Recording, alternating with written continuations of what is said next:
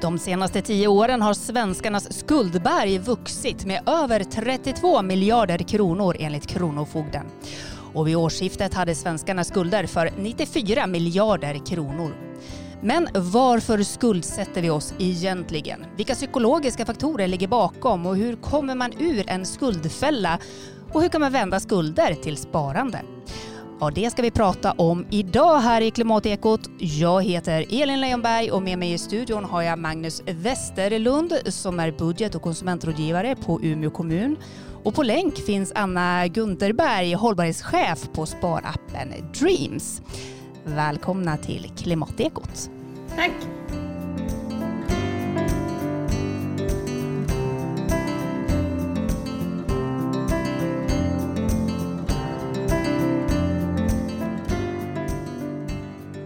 Några år sedan så spelade jag in avsnitt om just eh, ekonomi och att, att eh, bli ekonomiskt fri. Och de här avsnitten, de är de i särklass mest lyssnade på hela podden. Ehm, och då lyssnas fortfarande väldigt flitigt på just de här avsnitten om att bli ekonomiskt fri. Vad tror ni att det här bottnar i? Anna? Att många människor känner sig fast i en situation eller ett liv där de egentligen kanske inte lever som de vill. Eh, att det är liksom, vi lever i ett samhälle som ett system som egentligen inte är hållbart för någon och eh, ja, det är många som, som egentligen inte är nöjda tror jag med, med sina liv nödvändigtvis. Eh, så det är ett ämne som engagerar många. Mm, jag ser du Magnus? Ja, men jag håller med. Vi lever i ett ganska ohållbart samhälle på många olika sätt. Eh, det är väldigt prestationsinriktat. Ehm, det här med att bli ekonomiskt fri kan ju också ha en koppling till det här med skulder. När man, när man, är, när man är i skuld så är man absolut inte fri. Så att, eh, det har ju bäring på det vi sysslar med också. Mm. Eh, under de senaste åren så har vi hört rapporter om att svenskarna fondsparar som aldrig förr. Samtidigt som de skuldsatta, de minskar, antalet skuldsatta minskar. Men däremot så växer skuldberget dramatiskt. Speciellt sista året har det växt jättemycket. Vad tror du att det beror på, Magnus? Eh, jag tror till att börja med att det beror på, när det gäller konsumtionslånen, all den reklam som vi utsätts för dagligen. Eh, det är otroligt mycket reklam från långivare och, och kreditbolag när det gäller att låna pengar och eh, gärna blankolån också. Ehm, jag tror att det handlar om det. Det har helt enkelt blivit väldigt lätt att låna pengar. Eh, kanske lite för lätt. Ehm. Är det framförallt sådana här kortsiktiga lån som, som är det största problemet?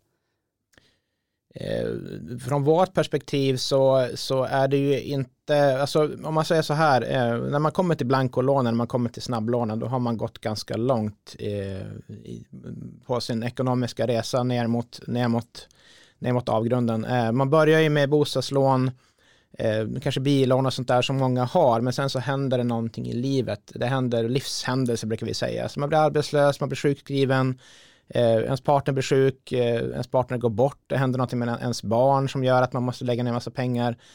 Eh, allt sånt som man liksom aldrig förbereder sig på och aldrig tror ska hända.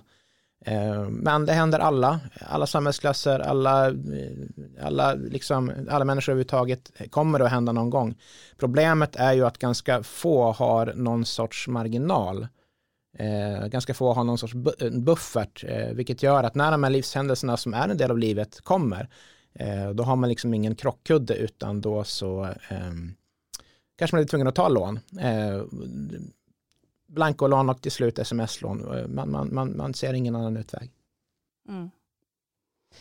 Vad säger du Anna? Jag vet att du, du har själv varit i den här skuldfällan. Mm. Jag, jag kom ju aldrig så långt att jag ändå så här tog eh, snabblån eller så, men jag, jag levde med ständiga skulder från kreditkort som liksom inte blev avbetalda varje månad utan jag fortsatte liksom, jag hade alltid en viss kredit och det var ju, alltså det var hundratusentals kronor som jag hade i kreditskulder faktiskt. Så att det var, det var en rätt, ehm, det hade kunnat gå illa eh, det hade kunnat definitivt... Alltså hade jag blivit av med jobbet till exempel, som du säger, eh, hade någonting hänt där så hade det varit, blivit kris. Ehm, men sen som tur var så hände ju ingenting så att jag, jag, jag lyckades upphålla det ändå. Men jag var absolut inte fri som du sa där. Alltså det var, det var en, en ständig liksom känsla av att ligga efter och inte kunna egentligen göra det jag ville. Hur kommer det sig att du hamnade där då? Ja, eh, jag tror att jag som många andra liksom inte har riktigt lärt mig det här med ekonomi, alltså grundbetydelsen av ekonomi, att hushålla med sina resurser. Det, är inte, det lär man ju inte ut i skolan, man får inte riktigt förståelse för hur man ska hantera pengar. Och så börjar man tjäna ganska mycket pengar och kunna köpa saker till sig själv som man inte kunde köpa förut och det liksom vi pratade om frihet där i början och det är en av mina största drivkrafter och det var också därför jag tror att jag köpte så mycket med ett kreditkort för att jag var så här fri att köpa vad jag ville i stort sett. Fast som sagt, man är ju inte fri när man har skuld. Så att det var en, det var, men det var liksom den drivkraften drev mig åt fel håll ett tag i livet kan man säga. Men hur långt gick det här då? Ja men som sagt, jag hade mycket skulder, men jag har, jag har ju all, jag har ändå alltid varit liksom framgångsrik på inkomstsidan också om man säger så. Så att som, som jag sa, hade det blivit att, så att jag blev av med ett jobb så hade det blivit kris, men jag hade inte den, eh, som tur var så hände inte det. Men det som hände var att jag var i en jobbsituation där jag kände att jag inte ville jag mådde inte bra på jobbet och jag hade kunnat bli utbränd också liksom. Det var, det var även på väg åt det hållet. Och då kände jag, äntligen så in, kom väl den här insikten att jag är inte fri och jag vill vara fri att kunna liksom ta ett annat jobb som jag mår bättre av. Eh, och det blev min inre motivation då till sist till att äntligen ta mig ur det här. Att jag började med den, all den metodik kring psykologi som jag då inte riktigt hade läst faktiskt, men jag lyckades på något sätt ändå lyckas ta mig, ta mig ur det här med, med exakt de metoder som jag sen nu har liksom eh, även jobbar med. Eh, att, att sätta det här, hitta den grundläggande värderingen, den inre drivkraften för det, sätta tydliga delmål och eh, det var i samband med det också som allt annat kring hållbarhet blev en viktig del i mitt liv. Jag började läsa väldigt mycket mer om ekologisk hållbarhet och så vidare och eh, inse att eh, jag både hade liksom levde ett liv som inte var bra varken för mig eller miljön eller planeten. Och eh, ja, därav så, så blev det även den drivkraften till att äntligen då sluta konsumera så himla mycket och istället skära ner på de saker som jag inte egentligen köpte för att det var viktigt för mig, utan jag köpte kanske för att det var så statussymboler eller liknande och istället foka på att det som faktiskt är viktigt för mig i livet. Hur lång tid tog det för dig att vända det här då? Ja, alltså det gick ganska snabbt måste jag säga för att jag, när jag väl hade bestämt mig och jag jag trodde, jag trodde i stort sett det skulle vara omöjligt att, att, att ta mig ur de här snabba kickarna med att köpa grejer, för jag var väldigt beroende av det. Och det som istället hände var väl i och för sig att jag blev beroende av aktier och fonder, så jag vet inte om det, det är också snabba kickar liksom. Så, men det var i alla fall bättre, ett, ett bättre beroende för mig, för det, det gjorde att jag såklart då sparade istället för att, för att eh, konsumera på andra saker. Men eh, det tog, det tog faktiskt eh, ett och ett halvt år för mig. Mm. Magnus, du jobbar som budget och konsumentrådgivare. Vad är det för människor som du möter? Eh, men som jag säger, alla kan ju drabbas av eh, ekonomiska problem, att de behöver hjälp med sin ekonomi där vill jag också vara tydlig med om det är någon som liksom lyssnar på den här podden och tänker att eh, jag har ekonomiska problem för att jag är liksom dum i huvudet eller att jag är, inte förstår eller att jag är kass eller så. Det är du inte. Eh, man får inte ekonomiska problem för att, för att man liksom eh, ja, för att man har eh, för att man har för att man har struntat i skolkat från skolan eller vad det kan vara för någonting. Att man får ekonomiska problem på grund av livshändelser som händer en nästan alltid. Det finns några få, få liksom undantag från det som jag har sett i mitt jobb. Utan det är saker som händer som man inte kan påverka. Det finns otroligt mycket stigma kring ekonomiska problem i vårt samhälle. Det är bara att du går till närmaste kommentarsfält på, på valfri, eh, valfri tidning som skriver något om ekonomi så säger man det. Eh, det här vill vi verkligen försöka, försöka bekämpa. Eh, och, och, om du sitter där och, och, har en tuff ekonomisk situation så vill jag bara uppmana dig som lyssnar att eh, prata med någon. Kanske börja med att prata med, med en kompis som du, som du liksom känner förtroende för eller prata med dina, dina föräldrar eller gå till budget, budget och skuldrådgivningen hos din kommun. Eh, vi, har, vi har inga pekpinnar, vi fungerar inte som, som eh, Lyxfällan att det säger, säger liksom att du har gjort fel, utan vi kommer att vara inlyssnande, eh, vi kommer att vara vänliga, vi kommer att, att, att förstå din situation. Det, det, kan jag lova. Och nu talar jag för alla budget och skuldrådgivare i hela landet om du känner att du behöver hjälp, ta hjälp. det, det, finns liksom ingen skam i det, utan, utan om du behöver hjälp, ta hjälp. Och hos er kan man få hjälp gratis? Absolut. Eh, vi har gratis rådgivning. Alla Sveriges kommuner har lagstadgad rådgivning. Det är gratis rådgivning och vi har tystnadsplikt. Vi kommer inte berätta för en arbetsgivare. Vi kommer inte berätta för din, din granne eller, eller dina kollegor eller vad det nu kan vara för någonting. Eh, om inte du vill det själv utan, eh, utan du, du kommer hit och är eh, skyddad av vår tystnadsplikt. Vad är det man kan få hjälp med då? Eh, Ja, så budget och skuldrådgivare kallas det ju för. Dels så kan man ju få hjälp om man liksom behöver strukturera upp sin ekonomi, till exempel om man, om man eh, står inför eller just har genomgått en, livs, en livsförändring. Eh, jag kan ju bara dra, dra mig själv som exempel, alltså när, när, jag fick, när jag och min fru fick barn, det var ju den största förändringen av vår ekonomi som någonsin hade skett vi insåg ju inte hur det skulle vara, liksom så här, all, allting man måste köpa och så där. Man får ju inte magiskt en, en, en, en dubblerad lön, utan man ska ju klara det med den lönen man har. Eh, det kan vara en sån förändring. En annan förändring kan vara när man går i pension, då brukar ju oftast inkomsten liksom kanske halveras. Eh, eller att man blir arbetslös eller, eller sjukskriven och sådär. Det är väldigt bra att man har en, att man har en, en buffert för det som sagt. Eh, så att man kan få hjälp att strukturera upp sin ekonomi, man kan få hjälp att, att eh, strukturera upp situationer när man har skulder, till exempel som, som Anna hade kunnat komma till oss och hade kunnat hjälpa till med det.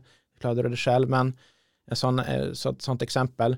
Eh, också, också det tredje steget då, att man har så mycket skulder som man känner att man bara drunknar i allting. Eh, man, man, man, hittar ingen väg ut, man ser ingen, ingen, ingen ljusning. Då, då vill vi jättegärna att man kommer till oss. Eh, det finns ju nämligen något som heter skuldsanering. Man kan skicka in en ansökan till Kronofogden om att, om att man ska få de här eh, skulderna avskrivna. Eh, eller nedskrivna i alla fall. Eh, och det här hjälper vi till med. Mm. Om, om skulderna är så stora så att man inte kan betala av dem på överskådlig tid, då kan man få en skuldsanering. Hur ofta brukar det gå igenom då? Ja, det är ju lite beroende på liksom vart man är i livet. Eh, om man säger så här, om man, är, om man är hyfsat nära pensionen eller om man har sjukersättning eh, eller om man har lång eh, arbetslöshet, då kan man ha lättare att få skuldsanering. Eh, om man är ung, om man säger 25 år och har, har skulder på ett par hundratusen, då kan det vara svårare. Eh, och där har Kronofogden också skickat ett uppdrag till oss på skuldrådgivare i hela landet att särskilt fokusera på ungdomar, för de ser en jätteökning från gruppen 18 till eh, 25 till 30 ungefär um, av, av inskickade skuldsaneringsansökningar. Så att liksom budskapet om att man kan söka skuldsanering har absolut gått fram och det är ju bra i sig. Men eh, om man är ung, eh, för det första då så har man ju liksom hela arbetslivet framför sig. Eh, ja visst, det finns ju de som har aktivitetsersättning och så, och de som har sjukersättning även i, även i unga åldrar. Eh, men för de allra flesta då har de arbetslivet framför sig. De har alltså goda chanser att kunna utbilda sig, kunna få ett bra och välbetalt jobb. De personerna kommer inte att få skuldsanering. Sen när man är i 25-årsåldern så har man sällan samlat på sig särskilt mycket, relativt sett, alltså särskilt mycket skuld. Eh, ett par hundratusen i, i liksom perspektivet hela arbetslivet är inte så mycket. Därför får ungefär 80% av dem i den här åldersgruppen avslag på sin skuldsanering. Eh, och absolut, Kronofogden skriver ju liksom att eh, det finns hjälp att få även om du har fått avslag. De hänvisar till oss på skuldrådgivare i sina avslagsbrev. Men frågan är hur många läser det? Hur många läser den första raden där det står du har fått nej? Och hur många läser till den sista raden där det står du kan få hjälp eh, hos budget och skuldrådgivningen? Eh, så där har vi ju en, liksom en, en, viktig roll att fylla, att visa de här unga att det finns andra vägar ut i skuldsanering också. Liksom, livet är inte slut bara för att du har fått nej på en skuldsanering. Livet är inte slut bara för att du har skulder. Du kan ta dig ur det som ju Anna är ett levande bevis på. Ehm, så, att, så att där vill vi uppmana alla, alla unga människor som lyssnar på oss att eh, även om du har skulder, sökt skuldsanering, fått nej, så, så gå ändå till budget och skuldrådgivningen hos kommunen och eh, sök hjälp. Vi kommer att hjälpa dig. Mm. Jag tänker att det, det måste ändå kunna kännas ganska svårt och hopplöst hur man ska kunna ta sig ur den här situationen. Om man är i en situation där kreditkortsskulderna växer, man till slut kanske bara kan betala räntan och minimiavgiften och sen så bara fortsätter och det blir ränta på ränta och så vidare och man riktigt Alltså förstår man vad det är som händer och förstår man hur det är man kan ta sig ur det så att säga?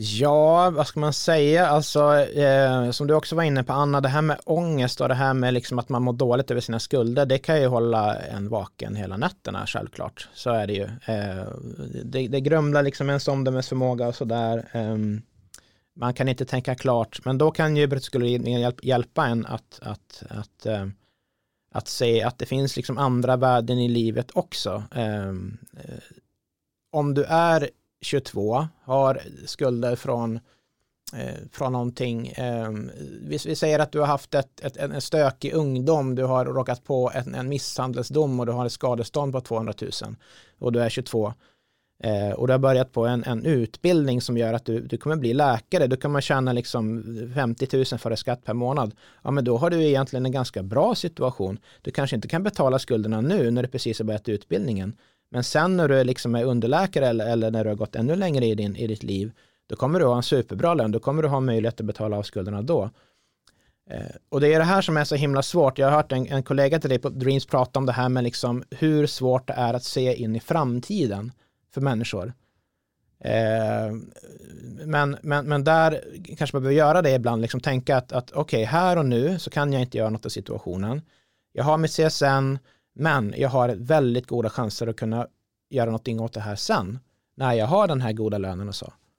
Eh, så, att, så att det kan man försöka tänka på. Mm.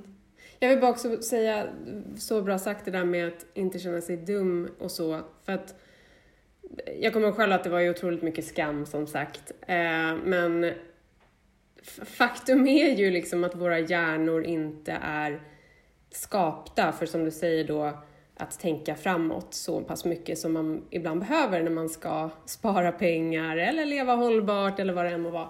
För att våra hjärnor är ju fortfarande skapta för hur vi levde när vi var samlare och jägare liksom. Så att vi är ju evolutionärt inte gjorda för att spara för framtiden. Utan, och därav så alltså verkligen, ingen, ingen är dum jag tycker snarare att det är konstigt med dagens samhälle att inte fler är i skuld, just för att det är så otroligt mycket temptations, alltså hela tiden med saker man kan köpa här och där och betala, köp nu, betala sen. Ehm, så att de som lyckas inte vara i skuld, det är liksom inte smartare människor, utan det är människor som har lärt sig självkontroll och förstår att vi behöver ha strategier för självkontroll.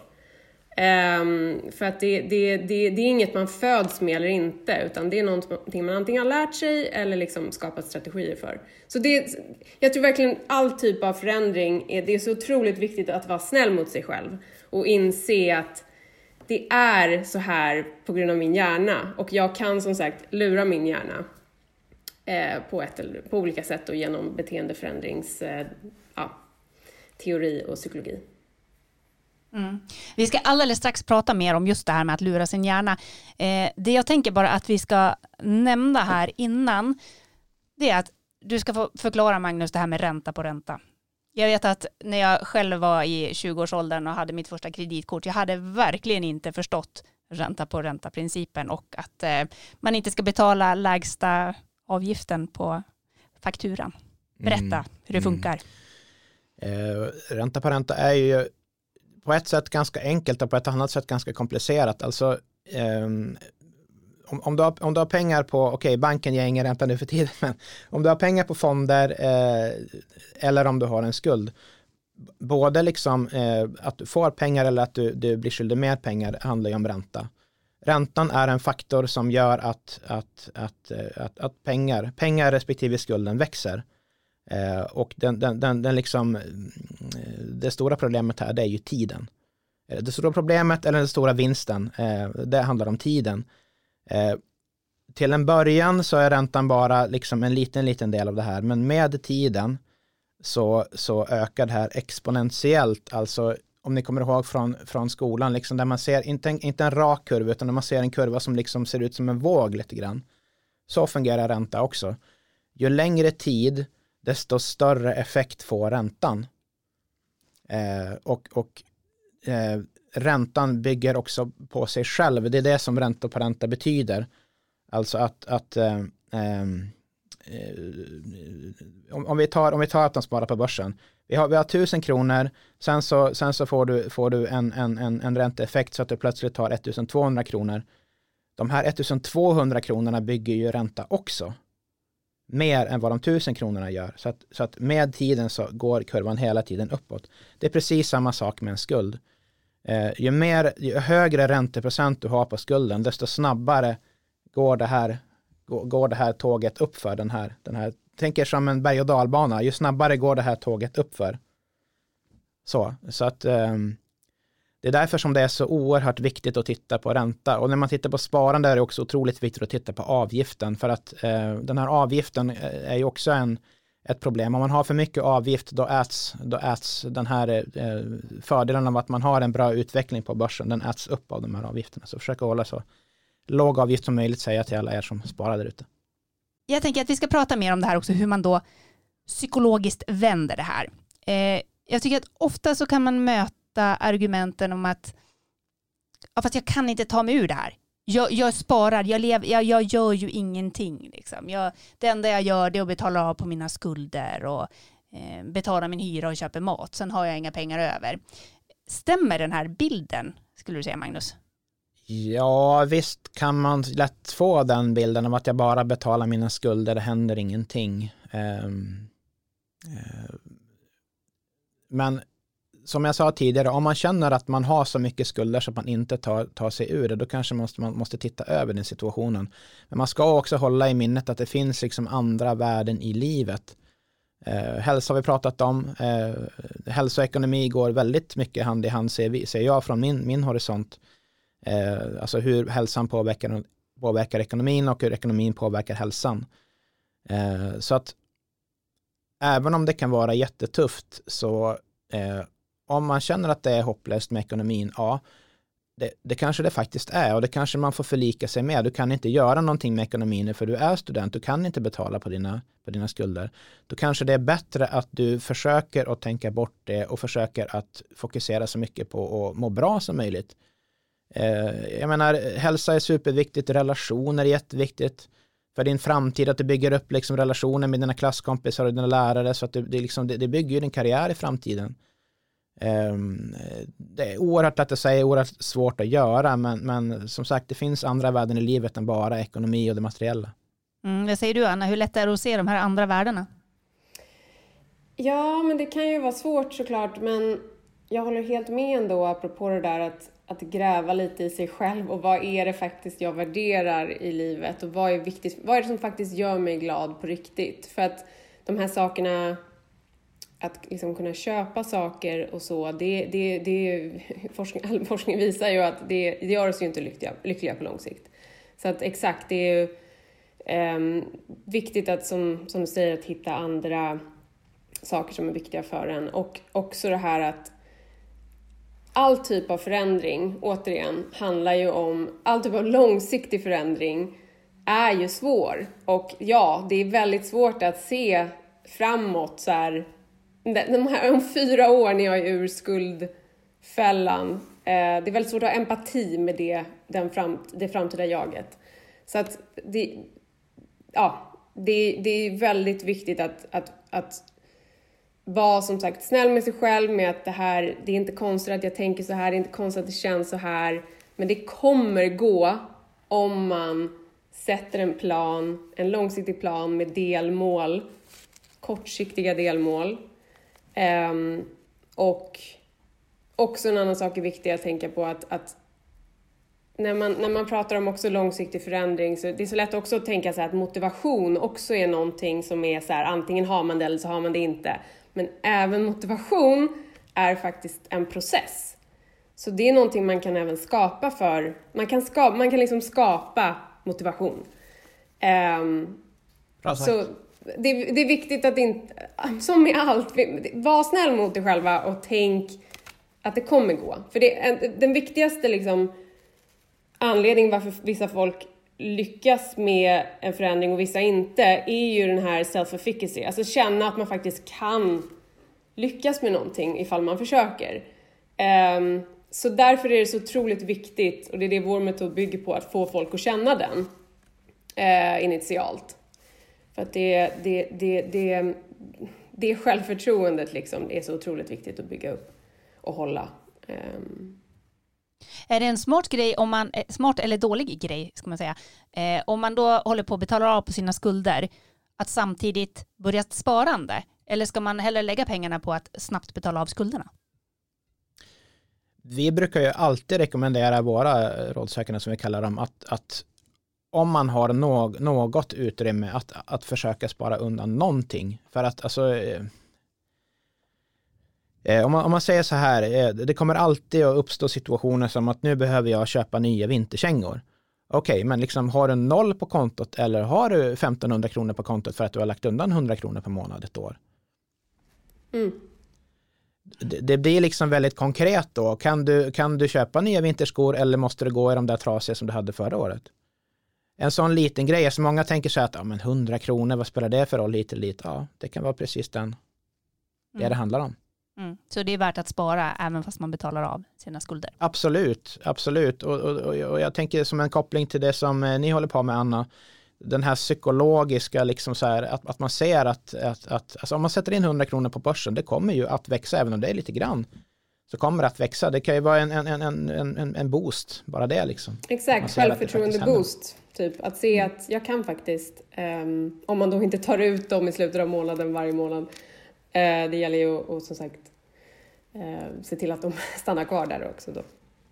Men just det, det ska jag säga också som ett litet förbehåll. Om man, om man har skulder hos Kronofogden, eh, om man har utmätning hos Kronofogden, då kan man inte ha, ha sparande på ett sparkonto för då kan Kronofogden eh, nolla det, ta det. Just det. Anna, du jobbar ju på Dreams och det går ut på att få människor att spara mer. Exakt, exakt. Vår metod bygger helt enkelt på att man eh, eller vi strävar efter att folk ska få eh, finansiellt välmående. Så återigen det jag berättade om här med liksom att få eh, att folk får en känsla av ehm, att de faktiskt kan spara, att de får den här, det här självförtroendet, att de ser att pengarna växer på kontot, att de känner att de har mer kontroll. Det leder då till finansiellt eh, välmående, vilket i sin tur leder till att de sparar mer också för att man helt enkelt boostar självförtroendet. Eh, så metoden bygger ju på att vi hittar pengar som människor inte visste att de hade. Det är otroligt bra för människor, jag har själv använt den tidigare, det är otroligt bra för människor som inte har, har den här, lärt sig den här självkontrollen. För att det vi gör är att vi, vi har ett antal save hacks, Ehm, man sätter först upp en dröm, för det är väldigt viktigt att definiera vad det är jag sparar till. Ehm, och intressant, apropå det vi nämnde i början här med frihet så var ju den vanligaste drömmen förra året att ska, eh, spara till ett så kallat fuck off-kapital för att kunna ta sig ur en situation man inte vill vara i, kanske en relation eller ett jobb eller vad det än må vara. Eh, så det såg vi, det var väldigt intressant tycker vi. Eh, så man sätter upp en dröm och man kan visualisera den, mm, man skriver liksom exakt själv vad den här dröm, drömmen är och varför det är viktigt för mig, man kan visualisera med en bild. Och sen så finns det ett antal save hacks som helt enkelt är eh, små eh, sparmedel, eller vad man ska säga, i ens vardag.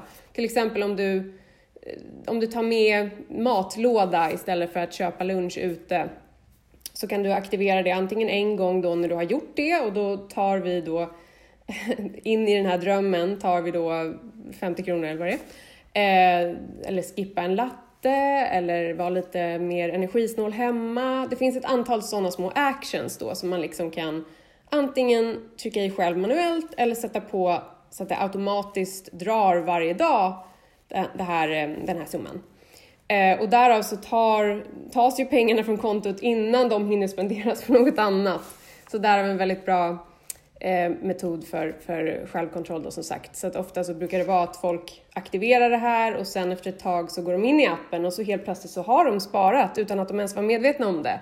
Och den boosten man känner då att wow, jag kan ju det här, har gjort liksom att, att människor sparar upp till 1500 mer eh, i månaden jämfört hos en traditionell bank, eh, har vi sett då i vår, våra kundundersökningar.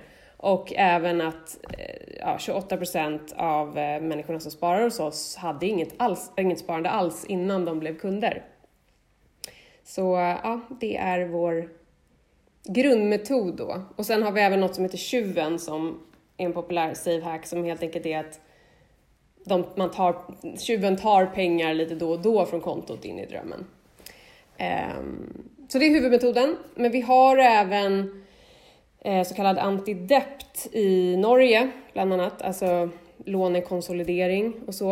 Eh, och det är även någonting som vi eh, håller på att lansera i Sverige inom kort. Och det är även där, med hjälp av vår metod, så har vi också sett att eh, människor betalar av i snitt då 962 kronor mer i månaden på sin versus avbetalningsplanen som de måste betala. Så vår metod hjälper även där folk att, att betala av avbetalningen, eh, avbetalningsplanen lite snabbare då. Och i genomsnitt i Norge så blir folk av med skulderna i två år tidigare än hos en traditionell bank.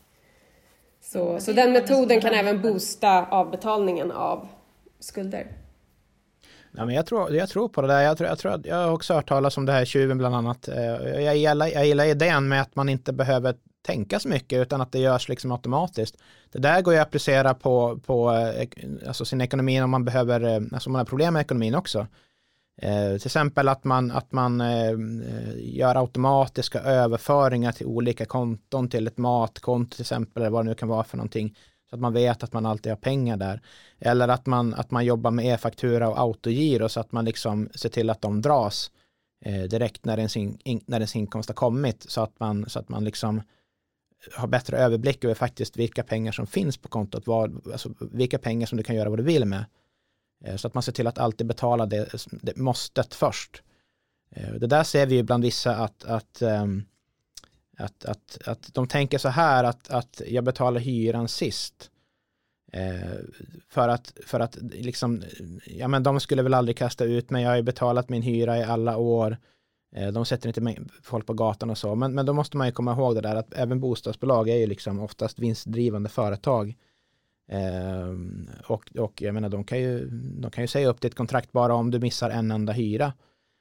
Ehm, vi, har en, vi har en metod som vi kallar för HEM, eh, hem alltså, eh, som är som en enkel minnesregel. Om du, har, om du har så lite pengar att du inte har pengar till någonting annat, se till att alltid betala hyra, el och mat och hemförsäkring. Eh, så att du åtminstone har betalat det. För att om du inte äter, då kommer du inte kunna fatta rationella beslut, du kommer inte orka någonting. Om du inte betalar en hyra har du ingenstans att bo. Om du inte betalar elen så har du liksom, ja, du kan inte tända din lampor eller laga din mat på spisen. Um, och sen försäkring. Uh, det är det vi, det är liksom, när, när det är absolut mest kris, då säger vi, då säger vi det. Um, mm, det, det, är en metod som vi kör med. Mm. Jag tänker, Anna, eh, om man då tar den här tjuven till exempel som går in och tar pengar från kontot lite nu och då men även många av de här andra savehacksen. Eh, man tar ju inte ett aktivt beslut att spara i de här situationerna. Kan ni se att det här kan det på något sätt ändå leda till en beteendeförändring som är långsiktig eller blir man ändå fast i det här att men någon annan måste fatta besluten för att jag ska kunna spara? Ja, nej, men jag tror ändå att nu har jag inte någon data exakt på det här och nu, för vi, vi håller ju som sagt på att vidareutveckla vår produkt också just nu. Eh, men det ger ju som sagt den här initiala boosten och det ger financial well-being och vi har sett att i våra undersökningar att om man får financial well, alltså en boost av financial well-being så har man också mer sparande efter två år. Så att, och det är ju liksom oavsett var. Så att jag tror definitivt att just den här boosten av att känna att man verkligen kan faktiskt spara fast man inte ens visste att man kunde eller liksom den automatiska där. Det leder ändå till en, en, en, någonting som, som det som krävs för att liksom ta sig över tröskeln för att lyckas med en långsiktig förändring. Men absolut, det är ju eh, i vissa fall så kanske det kan leda till att folk sen inser att de kan göra det här själva och då har vi ju ändå hjälpt eh, människor med vår metod så att det eh, ja, ja, definitivt att, att det leder ju till en långsiktig förändring för de som upplever att de får mer financial, finansiellt välmående. Mm. Men hur funkar det liksom, om man tänker affärsmässigt för er? Tar ni en viss procent av sparandet eller betalar man för appen eller hur funkar det? Vi tar en avgift på 10 kronor för alla som gör, har ett aktivt sparande helt enkelt. 10 kronor per, per månad. Per månad. Eh, men hur ska man göra då? Alltså vi pratat det här, du var inne på det Anna, just det här med kortsiktiga frestelser. Att man vill ha någonting här i stunden och man vill må bra. Liksom. Jag går och köper det här. Man kan handla när man är deppig och så vidare. Hur ska man motstå de här frestelserna för att klara av att tänka långsiktigt? Ja, det är en jättebra, jättebra eh, fråga. Det, det, som är också återigen där, något som är otroligt viktigt att komma ihåg är att om du sätter upp ett långsiktigt mål och du sätter upp de här delmålen så för det första så är det väldigt viktigt att ha delmål som är liksom rätt kort tid emellan så att det, man kan se liksom fram till det. Apropå det här vi pratade om att man har svårt att ha, connecta med sitt framtida jag, så är det lättare att connecta till mig om en månad versus mig om tre år. Så att om man, om man har kortsiktiga mål så är det större chans att man faktiskt kommer uppnå dem. Och så dessutom så måste man också ha, ge sig någon typ av belöning när man väl lyckas uppnå de här. Och om det nu handlar om att man är i en krissituation ekonomiskt så får ju den belöningen kanske vara något som då inte har med pengar att göra. Det kan vara Ehm, att man, jag får eh, ja, träffa mina vänner på fest eller whatever. Någonting som är viktigt för en själv som man unnar sig när man har lyckats uppnå det här. Det är otroligt viktigt för vår hjärna älskar belöningar. Kortsiktiga belöningar allra helst och därav så behöver man för att lura hjärnan sätta upp någon typ av belöning som du kommer få när du uppnår det här. Sen är det också otroligt viktigt att komma ihåg att, att långsiktig förändring handlar liksom inte om att undvika misstag eller undvika liksom, den här typen av eh, bakslag, utan det handlar om att ha en strategi för när det uppstår. Så att ifall till exempel eh, sätta upp strategier för när det här händer, när jag känner den här känslan av eh, att jag måste köpa någonting, jag måste köpa något klädesplagg, som var mitt, i mitt fall då har jag en tydlig strategi för vad jag ska göra när de känslorna kommer. Så nej, då gör jag istället det här som jag vet att jag också tycker om, som jag vet att jag också mår bra av på lång sikt. Så ha en lista med så grejer som är viktiga för mig, som jag vet att jag mår bra av. Eh, I mitt fall var det kanske så att ja, men ringa en kompis, eh, ta ett eh, varmt bad eller vad det än må vara som jag vet ger mig välmående i stunden, som också blir en belöning. Istället för att köpa de här kläderna som blir en kortsiktig, som egentligen inte spelar roll i längden. Liksom. Så det, det, det, har det här, when this happens I'll do this, den typen av konsekvenstänk och strategier för det är otroligt viktigt för att lyckas med förändring. Och, och vara medveten om att bakslag och de här misstagen kommer komma. Jag kommer någon gång misslyckas med det, men då måste man upp på hästen igen och inte låta det göra att hela långsiktiga förändringen eh, att man känner att jag kan inte det här, ja, det är lika bra att lägga av, utan det kommer hända. Det är bara att ha strategier för det. Mm. Säger du Magnus? Eh, jag, jag tänkte säga lite grann om, om det här med strategier, för man kan applicera det på även det här med att betala skulder. För att om du nu som lyssnar tänker så här att ja, men jag har skulder, jag är i en liknande situation som Elin var i, hur ska jag göra det rent praktiskt? Och, och, hur kan jag också göra den här strategin så att jag får de här liksom belöningarna som hjärnan så väl behöver. Eh, då har jag lite tips där. Eh, man kanske inte, om man, om man, säger att man har liksom, man har tusen kronor som man kan avvara till skulder varje månad, då kanske man inte ska dela upp de tusen kronorna liksom jämnt fördelat mellan de åtta skulderna man har. Eh, för att visst, det, då, då sjunker alla lite, lite grann varje månad, men man ser det inte lika tydligt. Utan någonting som vi brukar förorda, det är antingen att man fokuserar på den som har högst ränta. För att återigen, räntan, ränta bygger ränta hela tiden. Om man fokuserar på den med högst ränta, då går, det, då, då, då går liksom eh, då blir, då, blir, ja, då, då, då, då, då blir räntedraken mindre hungrig om man säger så. Eh, då, då, då, så kan man jobba ner den skulden. Eller så kan man göra på ett annat sätt. Eh, man kan ta den skulden som är minst. Man kan ta den skulden som är minst i kronor. För att när man, när man, när man då ser att man har betalat bort den skulden, då får man en, en, en självförtroende-boost. Wow, jag lyckades betala bort den här skulden. Gud vad bra.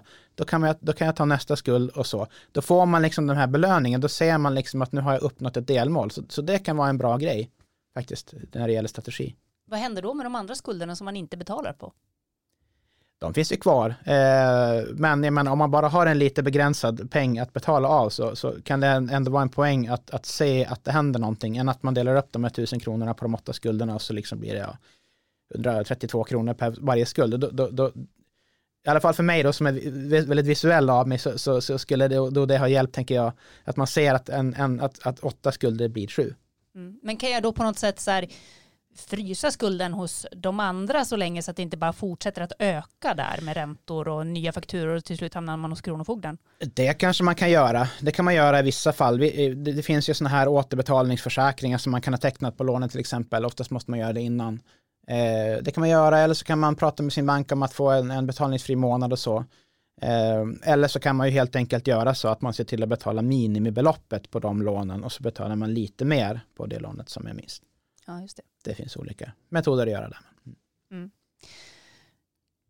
Hur skulle du beskriva, Anna, den här känslan när det vände för dig från skulder till sparande?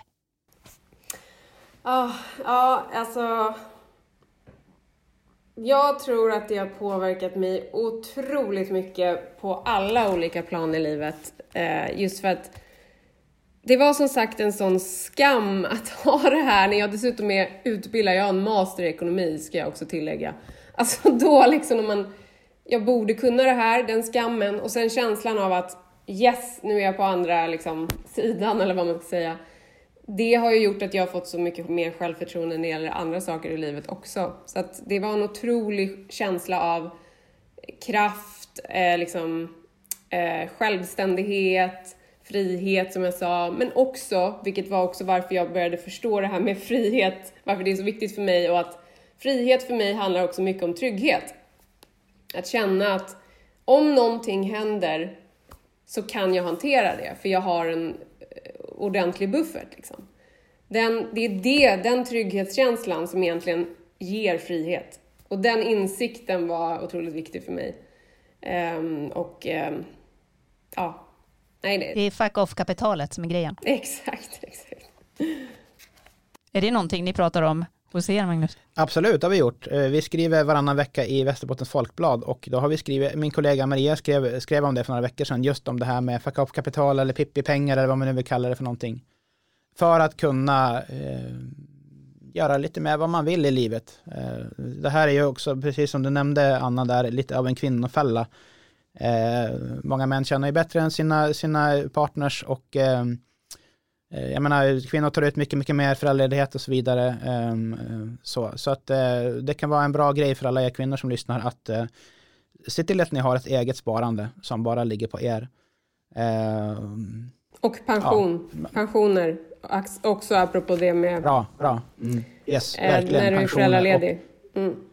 Absolut. Och en annan grej som kan vara bra att nämna i sammanhanget också, det kan vara det att om din partner tjänar, liksom oavsett, liksom, eh, oavsett sexuell läggning, alltså om din partner tjänar mer än dig, väldigt mycket mer än dig, då kan det vara bra att veta att man kan göra, eh, man kan kontakta sitt pensionsbolag och så kan man göra olika avsättningar till sin partner så att man jämnar ut det där bättre.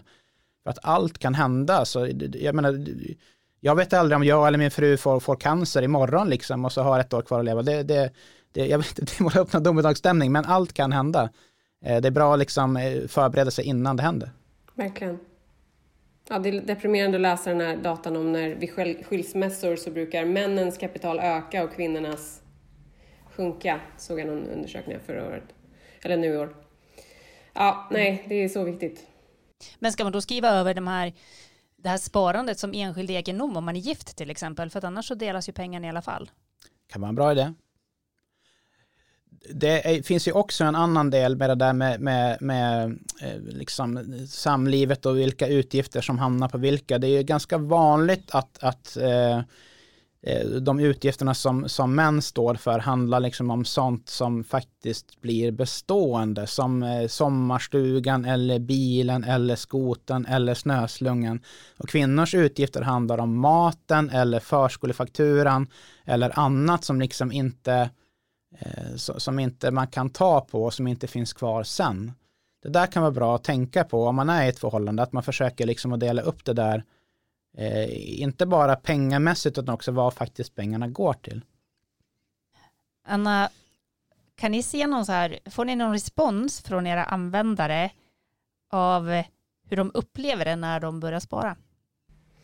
Ja, absolut. Jättemycket respons. Vi har ju faktiskt en community också med 8000 så kallade dreamers på Facebook som är otroligt engagerade i allt möjligt. Eh, det är nog väldigt wow. få företag som har faktiskt. Så att det, är, det är väldigt många som älskar eh, vår produkt när vi liksom har hjälpt dem. Eh, så definitivt. Magnus, vilka är de vanligaste råden då som eh, du ger någon som vill börja spara? Någon som vill börja spara? Um... Nej, men jag tänker att börja på en låg nivå. Eh, ta inte för, ta inte för liksom, ha inte för stora ambitioner från början. Eh, börja på en låg nivå och eh, när du sparar till dina barn så är det bra att spara i eget namn, kan också vara bra att nämna. Alltså sitt eget namn? Japp, precis, så att inte barnen kan ta ut det när man är 18. Ehm, med ett tips när man börjar spara, nej men eh, pengar i madrassen är inget bra sätt att spara på. Eh, där så sjunker den bara i värde på grund av inflationen, pengar på banken kanske inte heller är så himla bra. Jag har varit med om, om, om eh, framförallt äldre människor som liksom kommer ihåg den gamla tiden när man faktiskt fick ränta på ett sparkonto som har haft flera hundratusen på ett sparkonto. Eh, det är inget bra.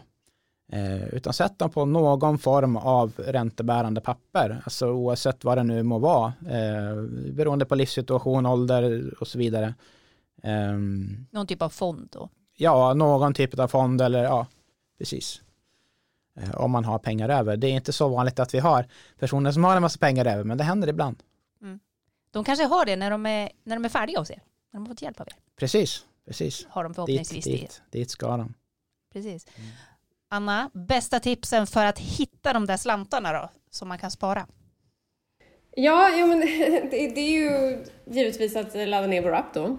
men sen också att, att, att som sagt hitta de här små summorna i vardagen som inte egentligen spelar så stor roll. Det som man lägger eh, av slentrian snarare än att det faktiskt är ett aktivt beslut för att det ger en något. Och att eh, det är också lätt att de typen av den typen av spenderande sker för att man är stressad.